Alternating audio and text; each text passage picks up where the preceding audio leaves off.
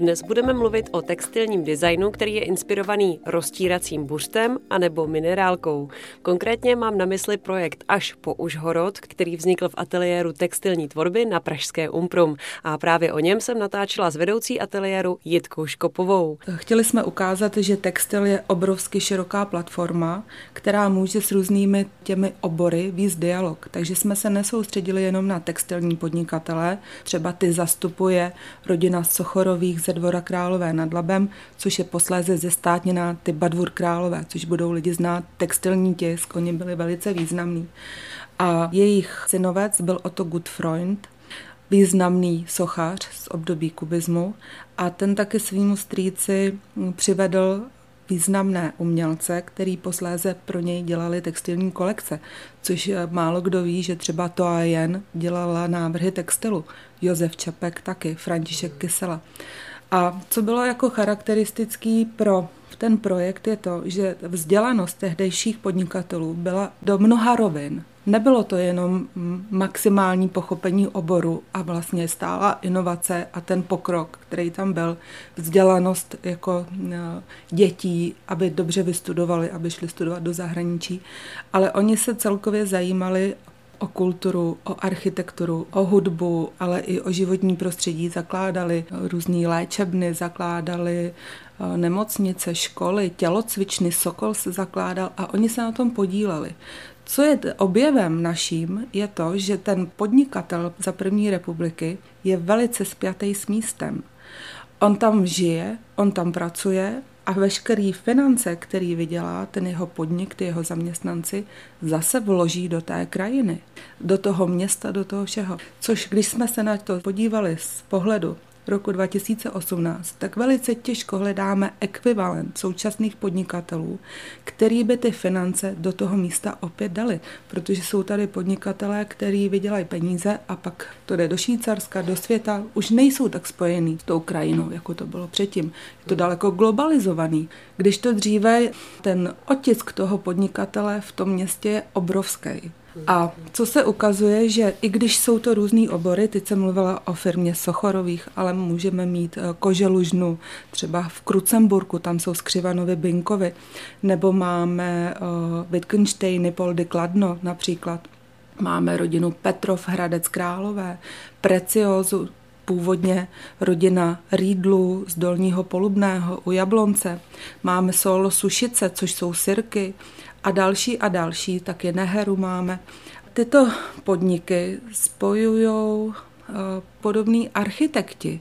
A nejenom architekti, ale i návrháři interiérů. Třeba František Kysela, který dělá výmalby, tak vlastně pracuje jak pro Sochora, tak i pro koželužnu z Křivanových Binkových. Stejný architekti Pavel Janák, eh, Gočár, Josef Hoffman, eh, Leopold Bauer, to je prostě ukázka toho, že se v období první republiky ty lidi navzájem znali, propojovali a tu kvalitu jako uznávali jako celek. Nestavili prostě nic, co by bylo jako podřadného. A je to krásný doteď. Tohle všechno je svým způsobem zahrnuté v publikaci, kterou vy jste připravili a zároveň tedy nějakým způsobem s tím pracovali studenti tady v ateliéru textilní tvorby, jaké vlastně, jakou povahu mají ty jejich výstupy, co vlastně konkrétně vzniklo. Ten náš obor vede dialog s těmi dalšími jinými obory. Takže můžu třeba říct, že když eh, studentka pracuje s námětem Vincentky z Luhačovic, lázeňství, je to prostě eh, voda z období Třetihor, která je uzavřená někde ve skále a vlastně bejvalé moře a vyvěrá na povrch, takže to je velká vzácnost, tak se rozhodne, že vlastně s tou vodou bude pracovat laboratorním způsobem, zkoumá ji, Vincentku nechá vypařit, zjistí, že jí v misce zůstanou malé krystalky a s těmi, to jsou ty krystalky soli, co Vincentka vlastně obsahuje a to ji navede k tomu, jak dále s tím designem pracovat. Eh, nebo vůbec s tím pojmem pracovat. Takže laboratorně zkoumá hydrogel, pomocí hydrogelu a barviv a vincentky vznikají vlastně takový strukturální dezény na látky, vzniká takový jakoby gradient, vznikne kolekce látek tím pádem a ona posléze tuto kolekci rozpracovává tak, že pro ty lázně Luhačovice jako ideální výrobek volí plavky. Z těch látek se uší, ušije plavky, které jsou pod vlivem ještě stříhů první republiky.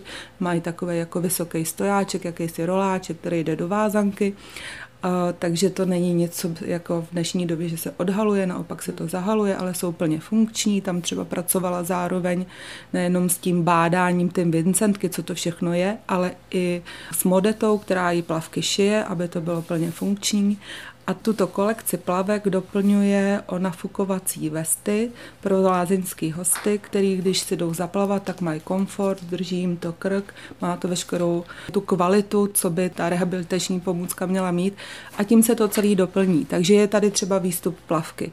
Když si řekneme, že máme třeba také významného pražského uzenáře Macešku, který byl známý jako Macešku prostírací burš, to byl pojem první republiky, největší lahůdka. Prostírací burš? Ano, Macečku trošku prostírací bořt, tak si řekneme, a jak můžeme prostě textil a toto uzenářství dát dohromady a jde to taky.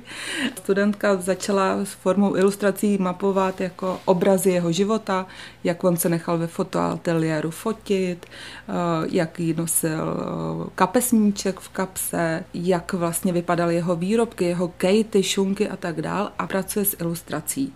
Grafickými technikami rozvine dál, ale ty grafické techniky vznikají obtiskováním plsti. To znamená, že ona k těm grafickým technikám používá plst. Tu vystřihuje, vyšívá a tím pádem vznikají nové struktury. Takže eh, grafické techniky vzniknou pomocí plsti. Jako výstupem je sada kartiček, šest motivů. Ty jsou doplněný o proděrabilé dírky a je to o tom, že vy si můžete vzít nit, návrat jako k výšivce a vyšít si srst psa, který jí buřty, nebo macešku v koberec, na kterým je posazený, nebo vlastně kejtu, která se udí, takhle si ji obalit jako uh, výšivkou.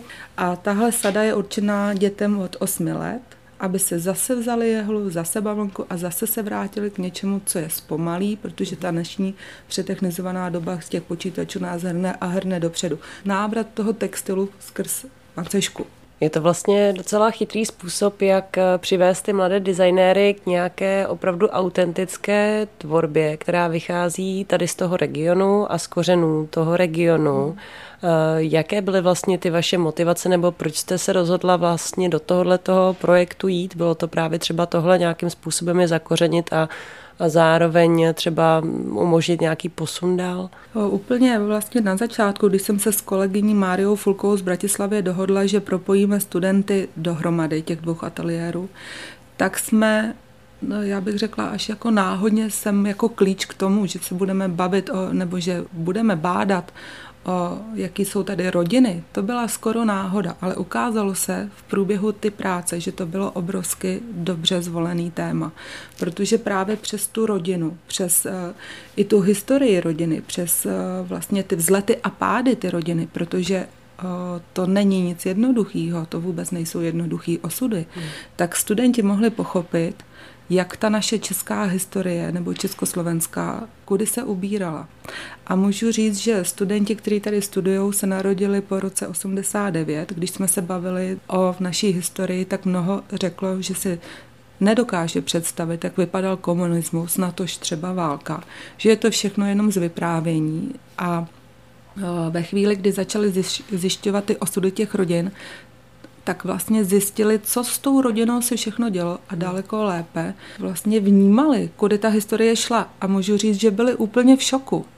To období toho roku, my jsme na tom pracovali celý rok, tak i pro mě, jako pro pedagoga, nebylo úplně jednoduchý, protože ta historie přes tu rodinu jim najednou byla bližší a bližší a uvědomovali si, že když eh, v mnoho těch podnikatelů zahynulo za války díky tomu, že šli do koncentračního tábora. A upozorňuji, že to nebyly jenom židé. Tam se častokrát ukazuje, že třeba podnikatelé jsou úplně kovaný Češi, ale v tom městě se někomu nelíbějí a hned prostě při nástupu jako okupace a Němců je někdo udá a oni jim polovinu rodiny odvezou do koncentračního tábora. Není to jenom prostě, že by byli prostě mm, židovského původu. Mnoho z nich se taky nevrací a zahyne. A ve chvíli, kdy se jakoby zpamatují, přichází normalizace, znova jim vezmou veškerý vlastně jako majetek a ty přímý svědectví byly o tom, že vám lidi řeknou, jo, vy si zve, jako zvyknete si na to, že ten majetek vám vezmou. Ale co je hrozný, že vám vezmou děti. To je něco, co je prostě nezapomenutelný. A třeba v jedné rodině jenom díky tomu, že 20-letý kluk v 50. letech přepisoval proslov Masaryka. Za to byl zavřený a odsouzený do Jáchymova a on odešel a byl vězněný a tenhle mladý kluk se s tím nevyrovnal a když přišel, přišel z vězení po pěti letech, tak spáchal sebevraždu. A to máte jeden osud za druhým. Ty studenty to tak dostalo, že já jako pedagog jsem byla vlastně v situaci, že jsem třeba v průběhu ty práce je musela uklidňovat a říkat jim, ne, pokračujeme dál. Prostě ano, každý v našem životě máme nějaký úskalí a jsme vystavení Eh, určitým překážkám a byli to oni, budeme to my a budou i další po nás, ale prostě jdeme dál, to tak to patří k životu. Pojďme pokračovat. Když zmiňujete vlastně ty rodiny, tak eh, tady zaznělo vlastně české rodiny, židovské rodiny, ale vlastně velká část toho průmyslu, nejenom textilního českého, to byly vlastně německé rodiny. Mm-hmm. Je tam nějak zahrnuté i tohle? Ano, tam vlastně v to pohraničí, tam přímo zastupuje rodina Rýdlu z Jablonce, a to jsou, že potom jsou to sudety a byli, hmm. ty Němci byli vystěhovaní. Hmm. Tam se taky ukazuje ta různost, kdy některý jsou ryze Češi, přicházejí s tou češtinou, chtějí, aby se tady studovalo česky, aby její zaměstnanci mluvili česky. Když to eh, tady v tom pohraničí, ten jablonec má silný kořeny, jsou, je tam německá populace a tam jim jde hlavně o biznis. V tom projektu je zajímavý zase, že se na to díváme ekonomicky, protože po tom vzniku Československa už není Rakousko-Uhersko, oni mají peníze třeba v bankách někde ve Vídni a musí se rozhodnout, kam je dají, nebo a taky přetrhají se různý vazby, kontrakty, které hmm. byly dřív na daleko větším území a musí se k tomu stavět. Takže tam je to hodně o biznisu. Ale co v tom Jablonci bylo zajímavé a co jsme jakoby objevili, je to, že průmysl maximálně spojil lidi ve fázi, kdy oni byli jako všichni ty Němci z Jablonce odsunutý pryč, ale zase německá vláda tyhle odsunuté Němce chtěla rozdělit napříč Německem, aby nebyly jako jedna skupina, ale by, aby šel někdo tam, někdo tam a někdo tam. A oni byli zásadně proti tomu. Tahle skupina z toho Jablonce se udržela pohromadě a oni založili nový jablonec, kde opět založili eh, bižutérní provoz. Zase tam dělali to sklo, takže ta situace těch různých rodin odsunutých tak se drží pohromadě díky mhm. tomu řemeslu. Kde ten nový jablonec za, založili? V Německu, ale teď vám neřeknu přesně, u jakého mhm. města to je. Jaké vlastně mají studenti tady v Praze na Umprumce možnosti, pokud se rozhodnou realizovat nějaké tyhle projekty, které jsou inspirované tou historií, tradicí a rozhodnou se realizovat některé ty textilní techniky? Jaké vlastně je tady aktuálně pro to zázemí, jaké jsou tady možnosti? Umprum je teď eh, nebo už další dobu před stěhováním, takže to určitě taky zasahuje do vašich plánů, ale v jaké situace vlastně teď to vybavení toho vašeho ateliéru je a kdybyste ho chtěli třeba brzy mít? No dlouhodobě je to vybavení katastrofální, co si budeme povídat. A kdyby jsme nedostali grant na tenhle projekt od ministerstva školství, tak bychom ho nemohli nikdy takhle uskutečnit, protože to je bádání, jezdění a spolupráce i s firmami. Takže eh, nejenom, že my bádáme, ale potom ty nápady studentské se realizují v současných ještě provozech, které tady v Čechách jsou, takže ty výstupy se zpracovaly některý. Třeba, eh, když to řeknu, Poldy Kladno a Wittgensteini alias Josef Hoffman, který tam dělal architekturu a všechno, to byla přímá inspirace studentky a její kolekce se posléze realizovala v Kolovratu kde se dělají eh, potahové tkaniny. Částečně realizujeme eh, v Technické univerzitě v Liberci, protože tam má perfektní zázemí, má skvělý strojový park, elektronické vybavení a my jsme tam s nimi v úzkém kontaktu a eh, pokud se jedná o nějakou malosérii, tak spolupracujeme s nima. ale jak jsem říkala, něco se realizovalo v modetě, něco Fatra napajedla, takže eh, Precioza nám dodává bižuterní komponenty, perličky, což je úplně perfektní, ty jsou velice otevřený spolupráci, takže se to různě propojuje. Na Slovensku tiskneme látky, musíme si vypomoct a na to nám jako hodně pod, eh, jako jsme podpořený granty, bez toho by to nešlo. Protože na technologickou budovu čekáme, čekáme na ní už mnoho let a doufám, že se dočká. Nevím, jestli já jako pedagog, ale studenti se doufám dočkají. Kdo ví, kdy to bude. Právě ten horizont se pořád oddaluje. Já už jsem si myslela, že třeba možná příští rok eh, budu natáčet v nové budově Umbrum, ale zatím to vypadá, že asi ne. Ano, situace řekla bych, že se komplikuje. Dlouhodobě, co to pozoruje, je to třeba už přes 20 let, je všechno, co se váže s novou technologickou budovou, je nějakým způsobem zakletý, buď je to areál v Ďáblicích, který je kontaminovaný, nebo budova, která potom se zjistí, že má pochybného majitele, tak radši do toho škola nevstoupí. Teď je realizace, rekonstrukce z bývalé základní školy v Mikulanské ulici a jsou tam taky určitý průtahy, které chvíli vypadaly dramaticky, pak se to jako ustálilo a snad škola postupuje dál, takže se ale ten horizont dodělání, myslím, posunuje až na rok 2020. Jaké máte teď další plány v ateliéru? Vlastně teď vám vrcholí tenhle velký projekt, kterýmu jste věnovali hodně času mm. a mhm. energie. Eh, jak chcete pokračovat vlastně dál? Co je před vámi dál? Díky tomu projektu, tím, že jsme spolupracovali s Preciozou a zjistili jsme její ochotu a vlastně i chuť s vysokou školou spolupracovat, tak vlastně projekt pokračuje už jako s konkrétní firmou, což je tedy Precioza. Studenti dostali mnoho materiálu, můžeme už to testovat, zkoušet a hlavní inspirací je pro nás Art Deco, který jsem jakoby zadala ve spolupráci teda s tou firmou, s těmi perličkami. A cílem mým je, aby mladá generace zpomalila protože všichni se ženou dopředu, chtějí mít všechno rychle hotový, ideálně nějaký super design, ale zatím musí být taky řemeslo a trochu klidu a poctivosti.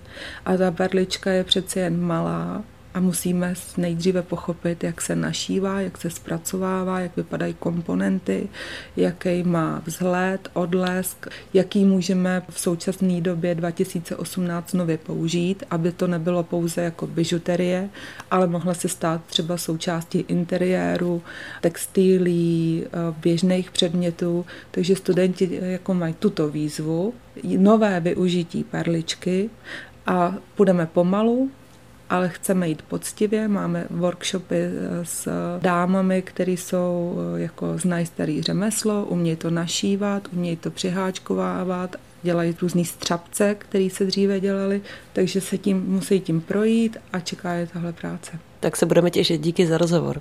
Děkuji taky. Tolik vedoucí ateliéru textilní tvorby na Pražské Umprumce Jitka Škopová. Modešau na rádiu Wave. Magazín současné módy.